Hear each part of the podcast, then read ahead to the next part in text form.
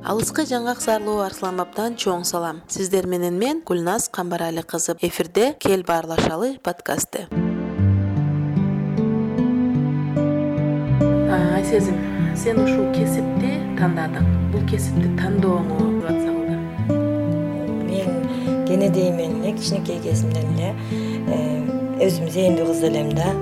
Жакшы окуучумун мектепте жакшы э, окуучулардын катарында болчумун үйдөн э, папам э, мамам жакшы мотивацияларды берип сенден сөзсүз бирдеме чыгат.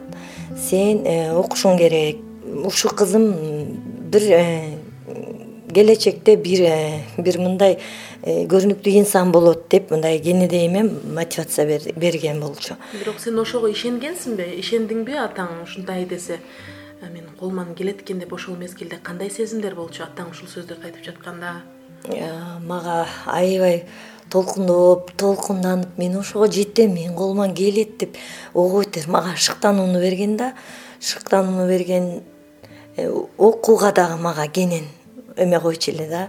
Үйдө э, бир туугандарым жасайт эле оокатты а мен болсом э, китеп телевизор көрүп эле Э, китеп окуп телевизор көрүп эле көп мындай көп жумуш жасачу эмесмин. Көбүнчө мага свободный время аябай берчү. Анан ушунчалык окуйт элем өзүнчө бир бир чоң даражага жететсиң сенин колуңан келет деген сайын бир ушундай бир мотивация алып анан мындай аракет кылып окучу тырышчаак болчумун да демек мектепте дагы сен жакшы окугансың да э? Мектепте жакшы окугам э, жакшы окугам. Активист. да болчумун.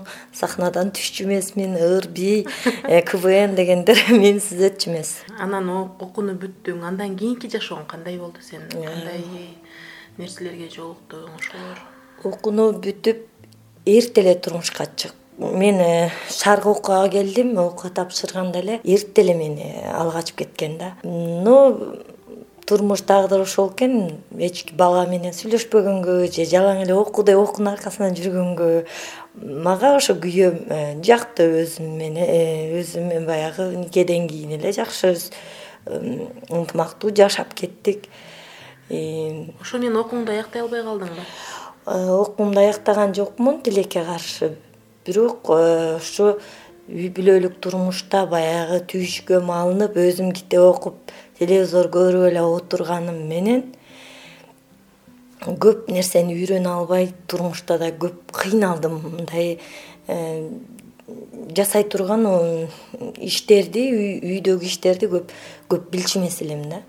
Анан айтып атпаймынбы менин кичинекей чагымдагы мотивация менин э, берген үй бүлөдө берген тарбия мотивация тырышчаактыгым мага бул турмуштук жашоонун кыйынчылыктарды дагы четке жылдырып коюп өзүмө э, жашыл жашыл жолду э, ачканга түрткү берди ошол кенедейимдеги тарбиям. Канчалык жумушка. Сен азыркы жумушуң кандай жумуш ошондо кайсы кесиптин ээси болдуң? Мен э, баштан айтып берейин бул бул жумушум бул жумушка жетиш мага аябай эле оор болду он алты жыл үйдө отурдум. Кайнене бактым. Күйөөм иштечү эмес мен иштечү эмесмин балдар кенедей. Э, кайындарым тараптан аябай көп кысым болгон. Э, кысып э, каяка барасың кет бизге мындай аялдын кереги жок. Колуңан эчтеке келбейт деп мага ушундай аябай кысым басым көрсөтүп эле э, мындай тебейлеп тепсегенди жакшы көрүшчү да э, кайындарым сенин сезимдериң кандай ошондо сен өзүңдү кандай сезчүсүң кудайым берер беришин унутпасын дечүмүн. Эми ошол мезгилдер артта калды де. Эми ошол сенин ушул бийиктикке жетишиңе. Биринчи ким сага Э, мотивация берип ким жол көрсөттү? Мага университеттен эжейим башта ушул э, кайненем ооруп жатып калды эле да. Кайненем ооруп жатып калганда багып жүрдүм. И только пенсиясы менен жашачу элек ал кездеги анан кийин ошондо жолдошума айттым мен окуйм. Мен канча жыл уже он алты жыл үйдө отурам мен окуйм мага окууга мүмкүнчүлүк бер десем ары ойлонуп бери ойлонуп макул болду. Окууга тапшырып койдум. Э, заодно энемди багып жүрдүм. Окууга чакырган убакта чуркап бара калам убагы жетишем. Үйдө балдар менен э, кайненем менен оокатыбызды кылып жүрдүк. Кийин кийин э, ушул окууну бүтүп экзамен тапшыраарда өзүм катуу ооруп калдым. Больницага жатып операция болуп аябай катуу оорудум бирок операциямды алганыма алты күн болгонуна карабай ичимди таңып алып экзаменди бардым гос экзамендерди бердим. Берип жүрдүм. Бирок ошол убакта кыйналганымды бир гана эжейим түшүндү. Эжейиме чоң рахмат аллах ыраазы болсун. Мени түшүнүп ошол моментте мага мындай ошол кезде операция болуп калганыма байланыштуу мындай материалдарды оку муну оку муну мындай кыл деп мага түрткү берип э, мотивация берип сенин колуңан келет сен кыласың сен жасайсың деп ушундай э, мотивацияны ошол эжейим берген. Кийин э, экзаменди бердим.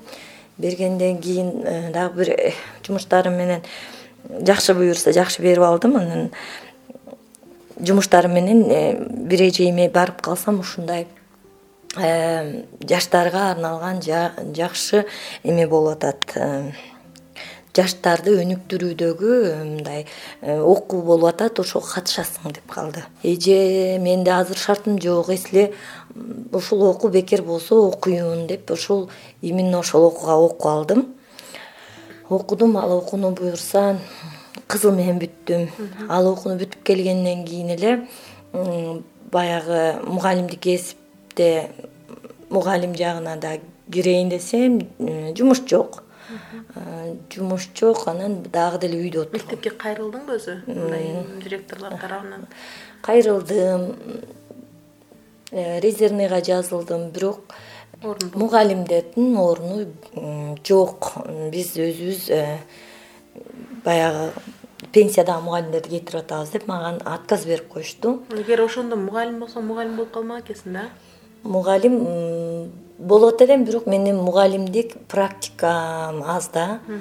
Анан э, именно конкурс жарыяланып атыптыр ушул э, аскердик кызматка алганга ошо конкурс жарыяланыптыр. Аны барып кирейин деп атайын э, жоопту катчыга бардым ушундай жумушка кирет элем жумуш жок деп э, айтсам бизде ушундай вакант орун бар эле. Келсең болот деп калышты. Бирок бизде кыргызда э, стереотип деген бар да. Ошол стереотип негизинде ой бул эркектин жумушу аркы берки деп э, анан ошол биздин жергиликтүү бийликте дагы ошо бияка аялдар иштей албайт эркектер иштейт деп коюп экен. Бирок ага карабай эле э, тесттен өтөм деп аракет кылып жүргөм. Конституцияны окудум кодекс этики э, аскерге алгачкы каттоо законун согуштун согуш ардагерлеринин э, тылдагы жанагы согуш ардагерлеринин жөнүндөгү законду окудум. Ошентип закондорду окуп жүрө бердим. Ошол убакта мен ошо лидерство лидерлик айтыр ошону мен ошол окууну окуп келгенден кийин жаштарга арналган окууну окуп келгенден кийин мени э, радиого жетекчи катары сунуштап э, биздин э, жетекчибиз ушул радиого координатор болуп баягы өзүңдү мындай активный лидерлик качествоң бар экен ушул радиого волонтер бол деп калышты анан. Эми үйдө жатканда эмне волонтерская основа болсо мейли волонтер болсо эми төлөбөсө жок. Зато өзүмдү өзүм өнүктүрүүгө көп салым мындай жакшы нерселерди алат болушум керек деп аябай мындай өзүм дагы мындай эме дилгирлик жагым аябай эме. Ал окууну окуп келгенден дагы мындай жигердүү дилгирлүү адам болуп калдым. Андан кийин ал жерде ошо лидерлик боюнча эле окутуп тим болуп ошол лидер болууга үйрөтө экен? Бүт э, бүт жагынан үйрөтөт. Ал жерде укуктарды үйрөтөт биринчи себептен экинчи себептен. Жанагы э, айылда элде арасындагы стереотиптерди үйрөндүк. Ал жерде укук жөнүндө окуп атканда өзүңдүн укугуң тебеленгенин сезип туйдуңбу аябай эле туюлду мага аябай эле туюлду. Ага чейин мен мындай окууларга барбай эле айылдын оокат үйдөгү турмушту мындай кечирип жүргөн экенм бирок өзүм мурун бала чакта коюлган фундамент бекем болгондуктанбы мен э, аябай ушул окууда өзүм мындай э, эме алдым десем жаңылышпайм мындай ого бетер э, ого бетер түрткү алдым десем жаңылышпайм анан кийин бул окууну бүтөөр менен мени ушул аскердик кызматка алуу вуз инспекторуна дагы ушул бизде деги конкурска тестке деп чакырып калышты. Андан мурун э, мультимедиалык борборго координатор катары сунуштап калышты. Координатор болуп тренингдерге катышып кыздар менен таанышып баягы өзүмдү өнүктүрүүгө аракетимди кылып баштадым. Анан бияктан бишкектен дагы окуткан кыздар келгенде аяка да барып э, кыздар менен таанышып өзүмө ого бетер мага шыктануу беришти булар баягы тиги окууну бүтөөр менен бияка чакырып сразу барып бир радионун жетекчиси болуп калышты мен үчүн аябай ого бетер эки эсе милдеттүү болуп калдым. Өзүмө ишенип ого бетер андан кийин гендер жана медиа деген проекттин негизинде бишкекке теотиге келип окуп ал жерден э, алган билимим негизинде он аялга он аялга э, сабак өттүм. Ошол сабак өткөн мезгилде сен э, ишке кирип уже баягы эркектин жумушуна кирдиң беле же кире элек болчуңбу жок кире элек болчумун. Бул гендер жана медиа жаатын окуганымда аябай жакшы болду. Ошо эркектин жумушу жана аялдын жумушу деген бөлүк жок дегендей эле баягы э, эмеде эркектин колунан келе турган жумуш бул аялдын да колунан келет экен деп өзүмө эки эсе ишенип калдым. Андан кийин эле э, бул э, тренер тренинг боло электен мурун өзүм тренингге өтө электен мурун барып тесттен өтүп келдим. Ого бетер тиги жумушум уже даяр болуп калды. Бияктан тренинг өткөн атам жумушка жаңы киргенде ушул тренингди да өтүп э, эки жакты тең алып кеттим. Андан кийин мага жумуш именно барсам эле баягы элдин стереотиби менен баргам биринчи очередьте тоскон жок да э, жок. Э, жалаң эркектер иштейт болуш керек деп баягы элдин стереотиби менен барам деп ойлогом да андай болгон жок жалаң эркектер иштесе дагы менин колуман келет мен иштей алам деп өзүмө ушул гендерди окугандан кийин көп сабак алдым десем болот. Барсам ал жерде э, кадимкидей эжелер мен менен дагы э, биргеликте вуз инспекторлор иштешет алар менен э, аскерге чейин аскердик э, кызматта иштеген сизден башка дагы барбы экен? Аялдар барбы экен же жокпу экен? Аялдар бар э, аялдар бар экен. Он үч айыл өкмөттөн бешөө аял төртөө аял экен. Анан мен бешинчиси болуп кирдим.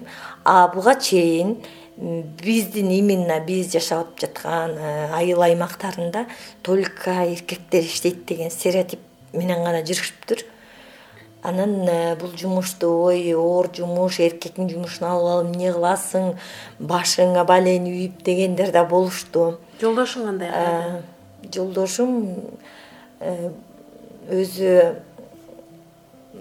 өзү баягы интеллигентный үй бүлөнүн баласы болгондуктанбы тарбия баягы жакшы да өмүр бою атасы энеси иштеп жүргөн мындай түшүнүктүү адам иштесең иште деп э, мага э, мотивация түрткү бере турган берип иштеткен дагы ушул жолдошум ага аябай чоң рахмат.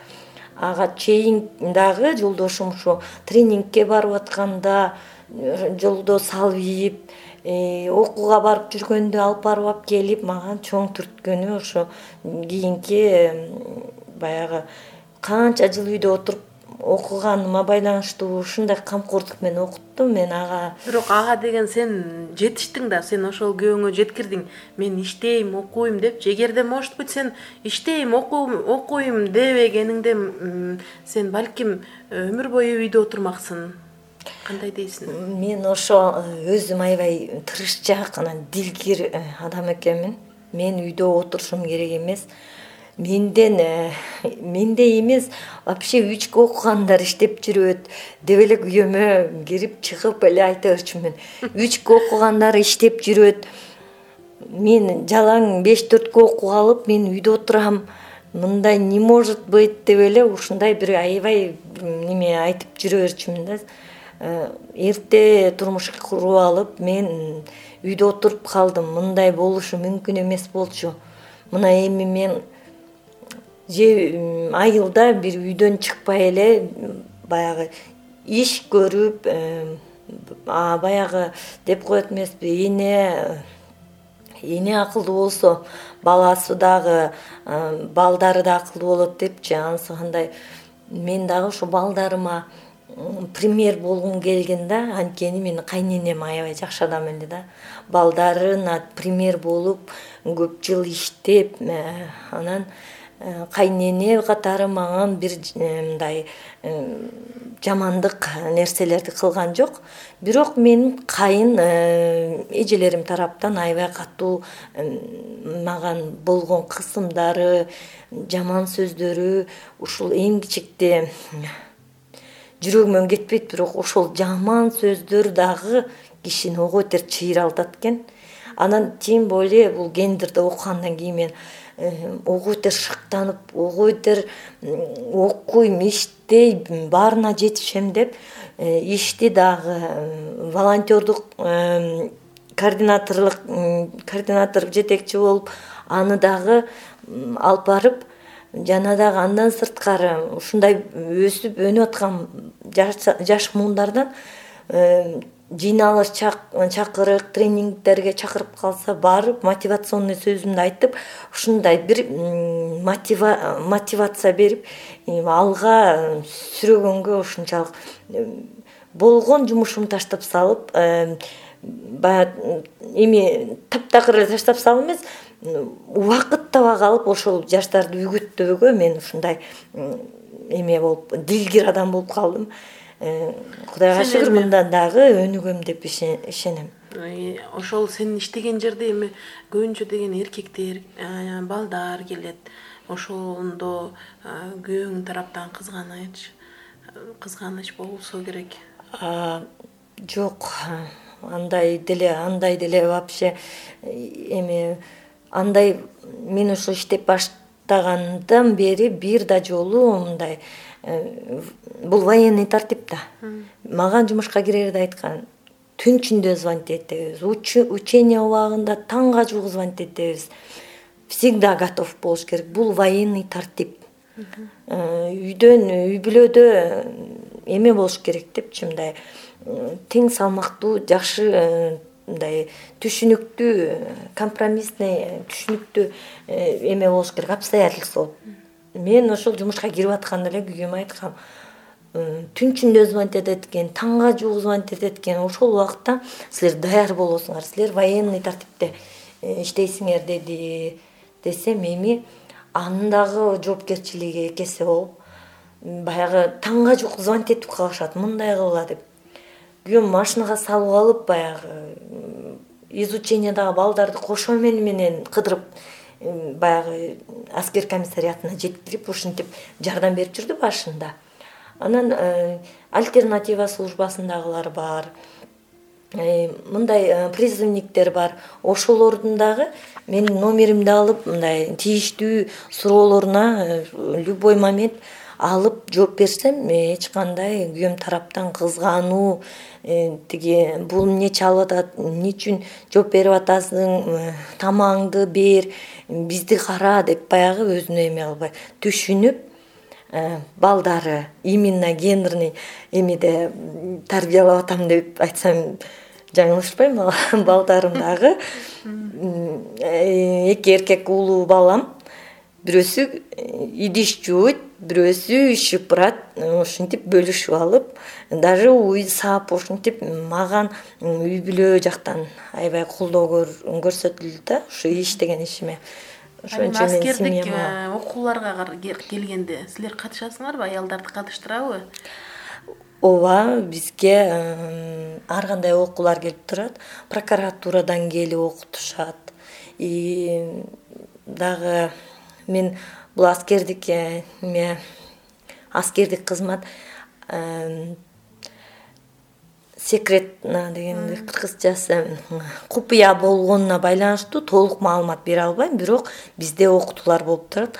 Окутууларда барып ошол окутууга катышып катышып биз дагы аскер баягы аскердик куралдуу күчтөрүнүн бир бир бөлүгүн камтыган адамдардан турганыбыздан биз дагы ушул купуя маалыматты чыгарбоого тийишпиз биринчи себептен экинчи себептен окууларга барып эркектер окугандай эле окуп алар билген билимди биз деле алып атабыз. Эркектер жасаган э, ушул э, иш аракеттерди ушу биз аялдар э, так туура анан пунктуально убагында барып аткара алат экенбиз кыйынчылыктар болобу ошол мезгилде? абдан эле башында кыйынчылыктар болуп аткан бирок күйөөм дагы айтып атпаймынбы биз ушу гендерный эмени окуп келип үй бүлөнү гендерный эмени программанын негизинде планировать этип ушу сыяктуу мен өзүм эмне билим алсам басып туруп балдарыма айтып күйөөмө айтып ушинтип окутуу жүргүзө берем да анан. Андан кийин ал окутуунун натыйжасы чыкты? Натыйжасы чыкты. Аскер э, комиссариатында иштеп аткандан кийин мен айылдарды кыдырам жөө кыдыра албайм өзүм аял кишимин күйөөм. Мунун э, эсебинде э, автошколага киргизип ошо автошколаны ийгиликтүү аяктап правамды алып азыр күйөөмдүн машинасын айдап алып ошо күйөөм болуп калат жок болуп калат ошол убактарда призывниктерди кыдырабыз альтернативщиктерди кыдырабыз алардын акчасын жыйноо анан э, опр кызматкерлерин общественная полезная работа деп коет.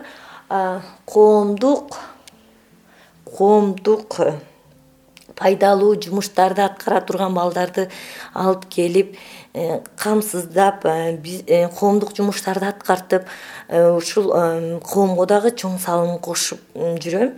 Э, ишиме да байланыштуу.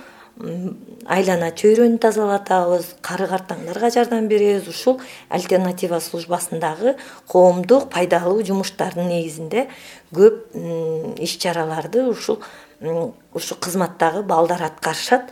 Аны мен көзөмөлдөп э, убагында акты справкаларын берип э, аскердик билетин алып алууга көмөктөшүп буюрса жакшы иштеп атабыз. Ал эми мындай аялдар айтышат да мен чарчадым мен көп ишти аткардым мен үй жумуштарын да жасайм ишке барып ишимди да жасайм мен чарчадым деп дагы айтып калышат да ошол боюнча эмне дейсиң мен сен дагы чарчайсыңбы аял катары сен дагы э деп бар таштап койгуң келеби мен азыр андай андай эме андай ситуация мага катты мындай эсимде андай боло элек.